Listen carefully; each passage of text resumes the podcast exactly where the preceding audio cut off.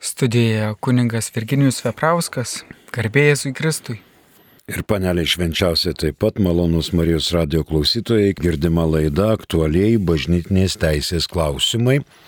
Praeitoje laidoje teko šiek tiek į kelis klausimus atsakyti, bet dar vienas klausimas liko neatsakytas. Prašom jį pagarsinti. Teresė iš Kretingos parašė, garbė Jėzui Kristui. Per amžius amen.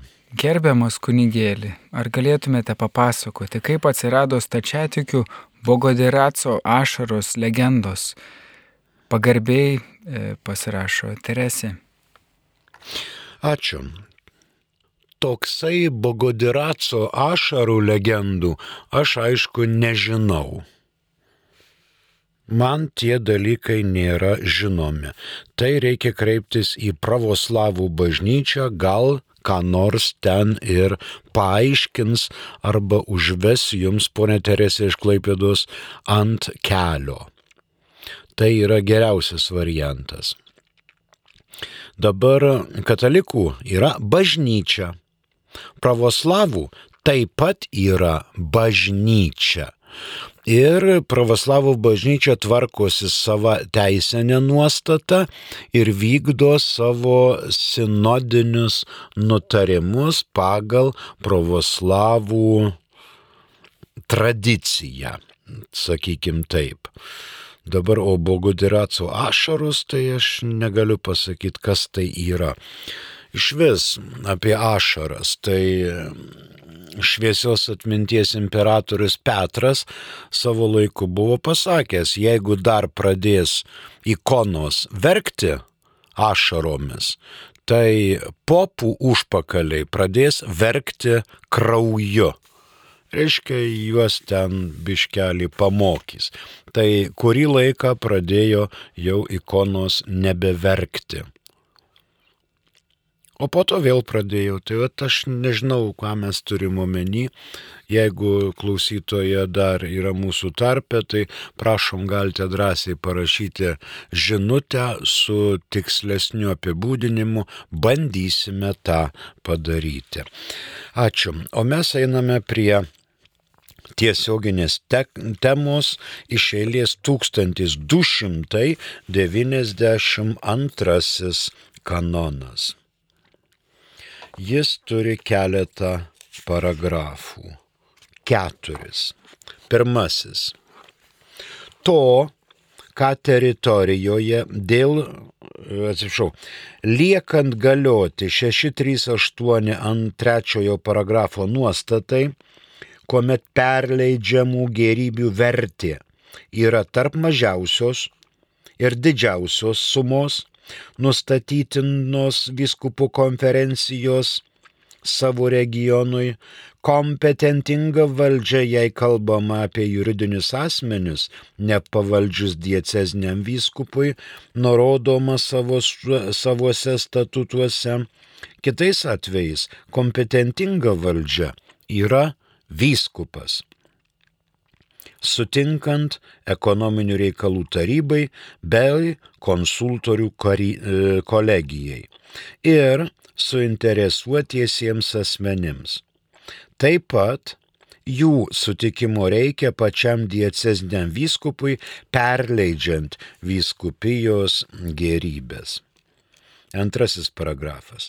Tačiau jei kalbam apie daiktus, kurių vertė viršyje nustatytą didžiausią sumą, arba apie įžadinius dovanojimus bažnyčiai arba meninės ar istorinės vertybės, galiojančiam perleidimui dar reikalaujama šventojo sosto leidimo. Trečias, jei perleidžiamas daiktas yra dalus, prašant leidimo jį perleisti, turi būti nustatytos prieš tai perleistos dalys. Kitaip leidimas būtų negaliojantis. Ir ketvirtasis, tie, kurie duodami patarimo ar sutikimo privalo dalyvauti gerybių perleidime, neturi duoti patarimo ar sutikimo, jei prieš tai nebuvo išsamei susipažinę tiek su ekonominė juridinio asmens, kurio gerybė siūloma perleisti padėtimi, tiek su jau padarytais perleidimais. Tai čia kanonas, kurį pabandysime aiškytis. E, dabar esame žinutė, prašom. Vinsas iš Kyšėdarių klausė, ką daryti, jei žmona nepasirašo ant skirybų bažnytinėme teisme dokumentų, ar yra koks kitas būdas padaryti negaliojančią bažnytinę santoką. Taip, taip. Dabar kodėl žmona turėtų pasirašyti ant skirybų bažnytinėme teise dokumentų. Kodėl turėtų? Santokoje dalyvauja du asmenys - vyras ir moteris. Santoka duodama prie altoriaus toje bažnyčioje tarp vyro ir moters. Šitą priesaiką liudyja du liudininkai. Gali būti du vyrai, gali būti dvi moterys, gali būti dar vienas vyras ir viena moteris, na ir žinoma kompetentingas dvasininkas arba kitas kompetentingas asmuo. Diekonas, kunigas, vyskupas arba net gali būti ir pasaulietis atskirų atveju. Reiškia, penki parašai turi būti. Dabar viskas gražu, gyvena, gyvena, gyvena, gyvena ir kažkas tai ten atsitinka, kai tampa santoka nepakeliama. Vienas iš sutuoktinių gali pamatyti, kad yra pažeistos jo teisės arba jam daroma žala ar dar kas nors. Jis kreipiasi į bažnytinį teismą kad jo santoka būtų pripažinta negaliojanti. Antra pusė visai taip nemano ir sako, kad mūsų santoka galiojanti ir antra pusė nepadės jokio parašo ant jokių dokumentų ir sakys, man tai nerūpi, mano santoka mano supratimu yra galiojanti. Tada procesas vyksta toliau nėra būtina gauti parašo iš e, savo sutuoktinių ant tų dokumentų. Gali būti, kad sutuoktinė masto, jog čia parašyti paistalai ir tas ieškovas nežino, ko nori ir taip toliau. Ji turėtų tą šalis nepatenkinta dalyvauti procese ir pateikti savo argumentus ir savo liudininkus. Gali ši nepatenkinta šalis ir nedalyvauti procese. Tada procesas vyksta nedalyvaujant atsakovui arba atsakoviai, bet procesas vyksta. Dabar sakot, ar yra koks kitas būdas? Du būdai yra. Vienas dalykas teisminis kelias, kitas dalykas vieno iš sutoktinių mirtis. Kai atleidžiama nuo santokinės priesaikos arba sandoros. Todėl norintys pasiaiškinti savo santuoką, kai jau yra jinai neįmanoma, rašo raštą bažnytiniam teismui. Ir bažnytinis teismas nagrinėja. Ačiū Vinsai. Dėkui, o mes einame prie savo tiesioginės laidos. Primenu, kad čia Marijos radio bangomis girdima laida aktualiai bažnytinės teisės klausimai. Mūsų telefono numeris Kaune 32 32 30 Kauno kodas 837. Trumpųjų žinučių telefono numeris yra kitas 865 049 107. Prašom, klauskite. Tai e, tvarkoju, dar vienas klausimas. Taip, prašom, pagarsinkit. Domėjausi vienuolė mystikė Kozlovska iš Plotsko. Labai panašus regėjimai į Faustinos Kovalskos.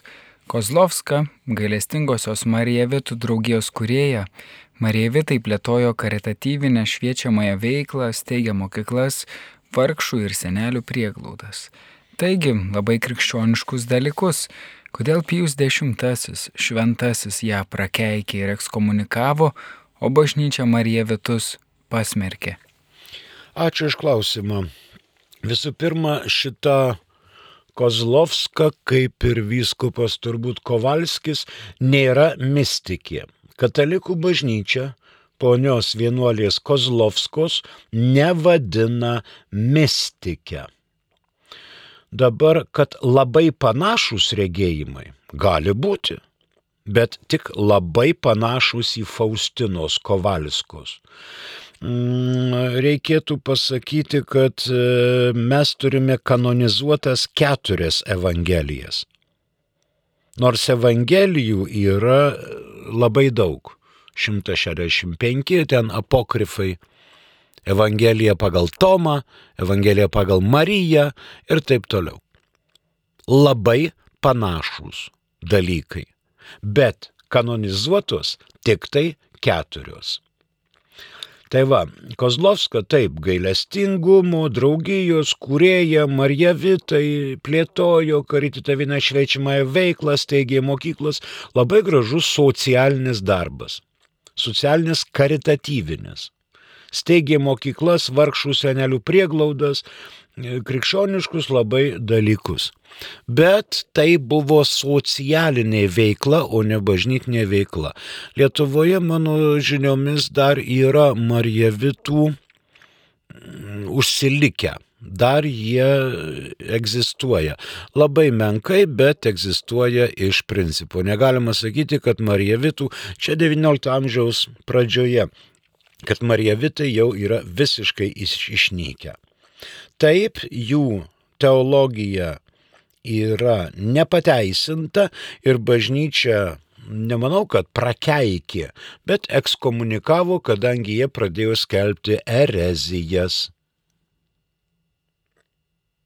Marija Vitai gali ir po šiai dienai vykdyti darbą, socialinį darbą karitatyvinį darbą yra labai gražu, bet jeigu jie kėsinasi į dogmatiką, į bažnytinį mokymą, tai jau yra nepakenčiama, nes bažnytinį mokymą atstovauja šventoji motina bažnyčia, kuri padariusi tyrimuką pateikė popierius jo šventenybį popiežiui, šventajam Pijui X ir tas ekskomunikavo. Nemanykit, kad ekskomunikuoti yra taip lengva. Pateikė popierių, popiežius pasakė, kad jūs ten visi ekskomunikuoti ir amen. Tai yra sunkus sprendimo prieimimas, bet šitas sprendimas buvo priimtas. Ačiū. O mes toliau eikime prie tiesioginės temos, prie 1292 kanono. E, dar žinote, prašom. Garbėzui Kristui, koks Lietuvos katalikų bažnyčios pavadinimas pagal turto sandarą ir valdymą uždaroji akcinė bendroji, bendrovė, viešoji įstaiga ar panašiai. Ačiū. Katalikų bažnyčia šventoji Romos yra tarptautinės teisės juridinis subjektas jau nuo imperatoriaus Karolio laikų, nuo 800 metų, kada imperatorius Karolis buvo vainikuotas karaliumi. 800 metai, tai pažiūrėkim, kas Lietuvoje buvo ten metaliniai jėtgaliai, ugnys kėlėme, aišku, titnaginiais kirveliais ir visais kitais dalykais. Ir katalikų bažnyčia nuo to meto pasi, na, atėjo kaip subjektas, tarptautinės teisės, juridinis subjektas. O čia nei UAB, kuri prasidėjo prieš 30 metų, nei viešoji įstaiga, nei privačioji įstaiga ar panašiai. Tokio išskaičiavimo nėra. Katalikų bažnyčia yra tarptautinės teisės subjektas. Ir todėl, kad yra tarptautinės teisės subjektas, katalikų bažnyčia sudaro sutartis su kunigaikštystėmis, karalystėmis, žemėmis, respublikomis, tame tarp ir su Lietuvos Respublika ir vykdo savo veiklą tokiais paritetiniais pagrindais. Autonomijos, nepriklausomumo ir bendradarbiavimo. Bažnyčia yra autonominė ir nepavaldi UAB, DJB ar dar ką nors, ar kokia viešoji įstaiga, ne viešoji. Tai yra atskiras juridinis asmuo. Jeigu katalikų bažnyčia Lietuvoje būtų pavaldi gerbiamam prezidentui arba prezidentei, tai tada kunigus ir vyskupus skirstytų prezidentas arba prezidentė. Dabar katalikų bažnyčios vyskupus skirsto popiežius, o vyskupai skirsto ir šventina kunigus. Taigi katalikų bažnyčia yra atskiras juridinis subjektas ir nepavaldus šitiem visiems trim berželiam. Ačiū. E, dar kitą klausimą turim, prašom. Dogma yra aukščiausios kategorijos krikščioniška tiesa, nustatoma pontifiko mistiniu, metafiziniu būdu. Kitų religijų adeptai tą patį sako apie savo dogmas. Marijos radio laidoje basėjai karmelitai sakė, kad Teresė Vilietė įrodė, kad Dievas yra. Ar tai reiškia, kad žinojimas aukščiau tikėjimo, nes mes daug ko Ne, bet jos, vis, bet jos visai skirtingai teikia apie tuos pačius dalykus, kuom remtis, kad ne, neapsigaut, kurią religiją pasirinkti, žinom, o linkę pasikliauti tikėjimu. Jūs pasikliaukit šventosios Romos katalikų bažnyčios mokslu ir tikrai neapsiriksite. Dogma yra iš tikrųjų aukščiausios kategorijos tiesa net nekrikščioniška, bet tiesa. O dabar kodėl jūs tvirtinate, kad yra nustatoma pontifiko mistiniu, metafiziniu būdu? Kokiu mistiniu, kokiu metafiziniu? Tai teologija yra mokslas. Pavyzdžiui, mes turime Kauno Vytauto didžiojo universiteto profesorių kuniga Mm, habilituotą daktarą Romualdą Dulskį. Štai su juo ir padiskutuoti, kas tas yra. Po pontifikas nustato mistiniu, metafiziniu būdu. Nuo kada? Kitų religijų adeptai reiškia, jie remiasi kuo tai kitu ir skelbia apie savo dogmas. O įdomu, kaip basėjai karmelitai, didieji mokslininkai, sakė, kad Teresija Vėlietė įrodė, kad Dievas yra. Įdomu būtų pasižiūrėti tuos įrodymus. Įdomu būtų pasižiūrėti. Praeitoje laidoje aš sakiau, kad e, Kristaus iš mirties prisikėlimas nėra istorinė tiesa. Tai yra religinė tiesa. Jeigu tai būtų istorinė tiesa, būtumėm suradę kokį šliomką su Monička, kurie patvirtintų, taip mes ten už to akmenio gėrėme ir žiūrim, kad nusirideno akamuo, Jėzusėlis išspinduliavo pakilo ir čengti į dangų visi ten tik sargybiniai pabėgo viens paskui kitą užsidengę galvas rankomis, kalavijai išlakstė į šalis, jėtys nukrito ir mes visą šitą matėme. Nėra tai istorinis faktas, tai yra religinis faktas. O mistiniu, metafiziniu būdu pontifikas tikrai nesivadovauja. Dabar galima prisiminti šviesios atminties Česlovo Kavaliauską, kuris e, susirašinėjo su Maskvoje leidžiamu žurnalu Ateizmas arba mokslas ir religija.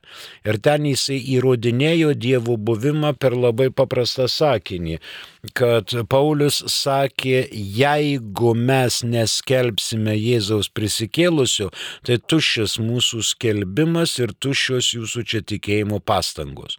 Ir Česlovas Kavaliauskas kunigas įrodė, kad Paulius vis tik tai skelbė Jėzų visų savo gyvenimu ir tai buvo įrodymas jo žinojimo faktais, kad Jėzus prisikėlė. Ir taip toliau. Ir taip toliau. O visi kiti jūsų vardinami adeptai visai skirtingai teigia apie tuos pačius dalykus. Apie kokius tuos pačius dalykus. Pasitikėkit šventąją Romos katalikų bažnyčią ir pabandykit nors kartą perskaityti visą Bibliją. Tai užtrunka. Sąnaudos, laikas, terminai ir taip toliau. Bet reikėtų perskaityti šitą Dievo laišką žmogui. Ačiū. Dar turime ką nors, prašau. Aldonas iš priekulės klausė, kur būtų galima perduoti vertingus religinius liturginius daiktus, knygas, senus kryžius ir kitą, nesinori mesti, gal dalis jų yra vertingi dalykai. Ačiū labai. O priekulė čia Lietuvoje ar Latvijoje? Žinot, nuneškit pas kleboną. Klebonas yra ekspertas specialistas ir didis meno žinovas. Jis tikrai priklau, priglaus e, savo parapijoje vertingus, religinius, liturginius daiktus. Arnotus, stulas, kielikus, tribulius, monstrancijas, senas knygas, gal mišiolus, senus kryžius ir taip toliau jisai priglaus. Jeigu yra tikrai didelė vertė, perduos į krikščioniško meno muziejų arba naudos pagal paskirtį savoje parapijoje. Bet mesti tikrai nevertėtų. Mesti nevertėtų. Ačiū. Kitas klausimas, prašom. Turime komentarą. Mm. Kaip katalikai turi rožančių, taip stačiatikiai turi vietoj rožančiaus pogoderacijos ašaras. Pogoderaco ašaros tai yra stačiatikių vadinamasis kalbamasis rožančius, o pagal legendą yra vadinamos pogoderaco ašaros, kurios pavirto pagal legendą į gėlės. Nuostabu. Nuostabu, kad ašaros pavirto į gėlės. Na, jeigu šita legenda turi pagrindo, tai pamaldus pasakojimas, bet su dogmatika, net ir stačiatikų bažnyčioje, tai mažai ką turi. Bendro, Bogodiraco ašaros pavirto gėlėmis. Nuostabu, gražu, romantiška, paukščiukai čiulba, lakštingalos danguje, ašaros virsta gėlėmis. Gal ne narcizais, gal rožėmis, tarkim. Gražu. Iš visų pravoslavų bažnyčia yra tikrai gražių dalykų. Pavyzdžiui, mūsų e, didžiojo kunigaičio Mindaugo žudinkas yra Daumantas ir jisai paskelbtas šventuoju. Dovmant. Šventasis Dovmantas. Pavyzdžiui, Aleksandras Neviškis, irgi uzurpatorius, okupantas, pažiūrėkit, ką šiaurės karo metu jisai veikė Švedijoje Jisgi buvo kalaviju nešė politinį dalyką. Karą, žudynės, skerdė švedus. Tai buvo, bet po to jisai paskelbtas buvo, kad e, pravoslavų bažnyčios šventuoju. Ir Lietuvoje pasižiūrėkit e, iš drono į Vilniaus miestą. Kiekvienoj gražesniai vietoj vis stovi cerkvė ir ten turi būti Aleksandro Neviškio paveikslas su kalaviju. Su kalaviju. Reiškia, jisai yra toksai, reiškia, kalavijo teisybės nešėjas. Gerai tai ar blogai, aš nesimu spręsti, bet šventasis Aleksandras Neviškis buvo karys, buvo okupantas, tvarkė reikalus rusų valdžios metu, na ir žinoma, buvo vėliau paskelbtas šventuoju. Dabar jau kalbama pravoslavo bažnyčioje apie Suvorovo ir Kutūzovo paskelbimą šventuoju.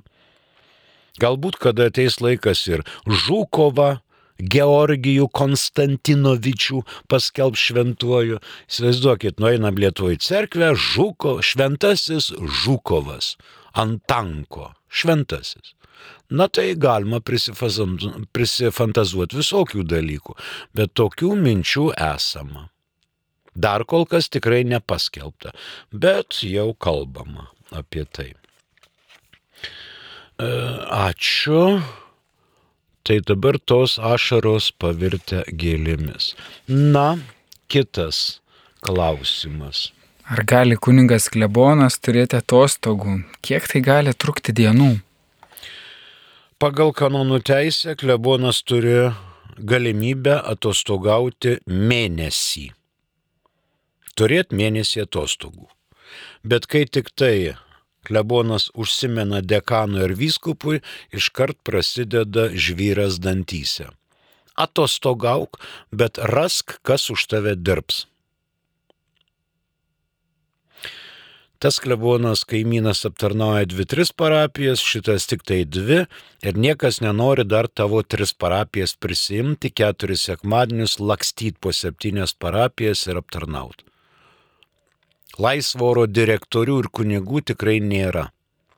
Atostogau kiek nori, bet rask, kas už tave dirba.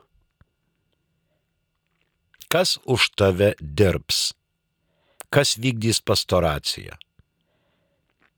ateini prie klebonijos durų, ten yra telefonas. Žmonės skambina, o klebonas sako, šiuo metu aš Egipte ir nebūsiu mėnesį laiko.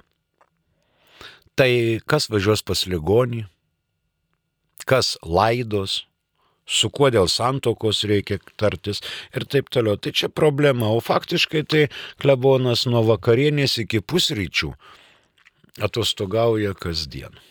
Ačiū. Dar klausimą turime, prašom. Vatikanas yra tipiška absoliutizmo valstybė. Pontifikas atsakingas tik Dievui, o jam paklūsta visa bažnyčia. Tai kam tas cirkas su bažnyčių suvažiavimais? Juk kai popiežius norės, tai padarys absoliuti jo valia. Na, popiežius nėra absoliutus idiotas. Kaip jūs sako, tipiška absoliutizmo valstybė ši valstybė yra ne absoliutizmo, bet yra hierarchinė. Pontifikas nėra atsakingas tik Dievui. Jis atsakingas bažnyčiai.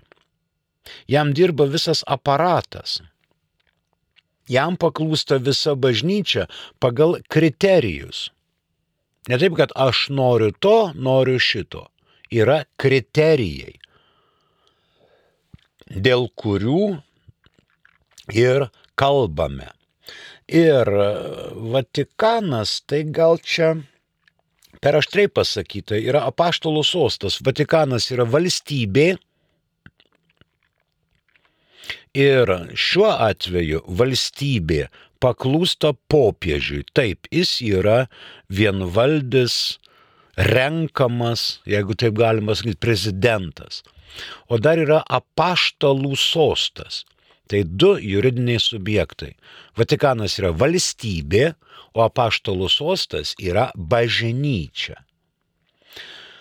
Jeigu popiežius mato ir jam pavaduotojai sako, kad yra daug problemų arba viena rimta problema, šaukiam susirinkimą, suvažiavimą.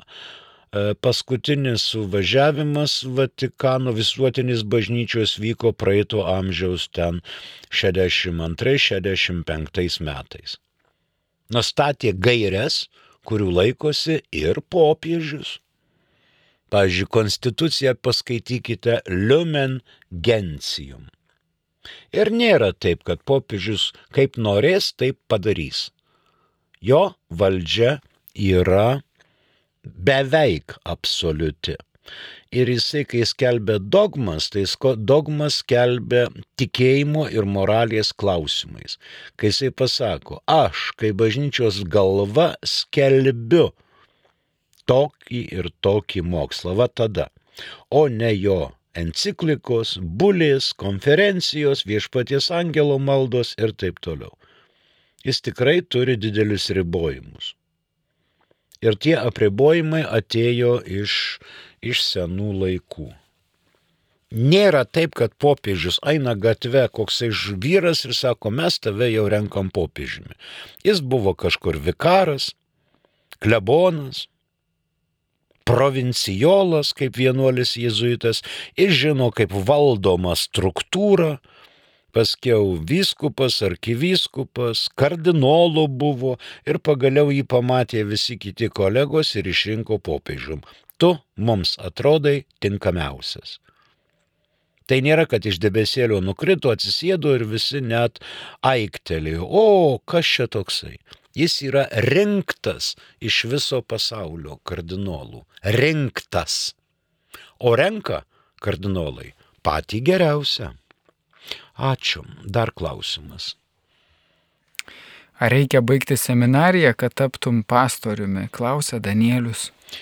Evangelikų liuteronų bažnyčioje gal ir nereikia, bet šventojoje Romos katalikų bažnyčioje reikia. Išimčių aišku yra. Vyskupas gali bet kurį bernužėlį nuo gatvės šventinti kunigu, jeigu jam atrodytų, kad šitas jaunuolis gali labai sėkmingai vykdyti pareigas. Bet ne vienas vyskupas taip nesielgia, su norinčiu tapti kunigu jis pabendrauja, pasižiūri, nusiunčia į seminariją, kad būtų žmogus patikrintas, išmokslintas, kad gautų brandų teologinį pasiruošimą. Ir nebūtina, kad baigs jaunuolis seminariją ir gaus šventimus. Jeigu jo kandidatūrą seminariją nepateikia vyskupui, kad šventintų, toks žmogus baigia seminariją ir negauna šventimų ačiū, buvo malonu, bet vadovybė mano, kad šitas jaunuolis negalės sėkmingai eiti kunigo pareigų. Ir jisai nešventinamas. O su pastoriais nežinau, Danieliau. Čia jau reikia klausti kitų konfesijų, kur vadinami pastoriais. Dar turime klausimą, prašom. Pirmadienio laidoje kuningas Sigitas Jurkštas minėjo, kad Vatikano laboratorijose mišių metu buvo tyriamas transubstanciacijos aktas, duonos lastelės virsdavo širdelėmis. Ar tai nėra transubstanciacijos įrodymas? Tikrai ne. Tikrai ne kunigas Marijos radio direktorius Sigitas Jurkštas labai nuostabus dvasininkas, bet apie Vatikano laboratorijas nieko nesu girdėjęs. Jeigu tai būtų, tai būtų pasaulinė sensacija. Ir visi pamatytų tas širdelės visokias, tas skaidulėlės ir sakytų, štai įrodymas nerauginta duona yra ta pati ir prieš mišes, ir po mišių, tik tai po konsekracijos virsta Kristaus kūnu ir krauju. Vynas krauju, duona kūnu. Tai yra transsubstanciacija lygiai toks pat daiktas. Pjaustykit, uostykit, laižykit, tai yra toks pat duonos gabaliukas, bet mūsų žiniomis Jėzaus žodžių valia ir šventosios dvasios gale tai virsta visato sutvėrėjų, viešpačių dievu, kuris gali būti tikinčiųjų priimtas į savo širdį. Kažkas nuostabaus. Vat ant to bažnyčia ir laikosi. Ačiū. Dar turime klausimą, prašom. Šiandien šventojo mato iškilmė, ar ši iškilmė keliama į sekmadienį? Ne. Jeigu šiandien švento mato iškilmė, reiškia iškilmė yra švento mato šiandien. Bet atlaidus klebonas gali kelti į sekmadienį. Jeigu būtų vakar, tai reikėtų pankstinti į ankstesnį sekmadienį, o kadangi šiandien ketvirtadienis, tai jinai keliama į priekį. Jeigu atlaidai, rugsėjo 24 švento mato atlaidai. Keliama. Taip. Ačiū. Dar turime, prašom. Albertas iš Kauno klausė, ar gali Zakristijonas ar pasaulietis palaiminti žmonės švenčiausiųjų sakramentų. Ne švenčiausiųjų sakramentų gali laiminti tik tai asmuo turintis šventimus. Diakonas, kunigas ar vyskupas. Švenčiausią sakramentą dalinti gali asmuo, kuris turi kanoninį siuntimą tą atlikti, bet laiminti ne. Laiminti negali. Tai jau yra dvasininkų teisių uzurpavimas. Ačiū. Na ir dar kažkas pas mus atėjo, prašom. Leonas X buvo išrinktas kardinolu 14 metų. Jį popiežiumi išrinko net nesant kunigų. Ar tai ne viešpaties veikimas? Aišku, kad viešpaties, žinoma. Jis 14 metų išrinktas ir net nebuvo kunigų. Tai kai sulaukė pilnametystės, jį pašventino į dia, subdiakonus, diakonus, kunigus ir į vyskupus. Ir jį paskyrė vykdyti popiežiaus pareigas. Ir ką? Aišku, kad viešpaties veikimas. Tokio viešpaties veikimo tiek buvo, kad neveltui seminarijose Vatikano valstybė ir apaštalų sostas įpareigoja mokytis bažnyčios istorijos. Negalima išbraukti. Kai Focijaus laikais buvo popiežius iš karsto iškeliamas, vežiojamas po Romos miestą, ekskomunikuojamas, darkomas ir taip toliau.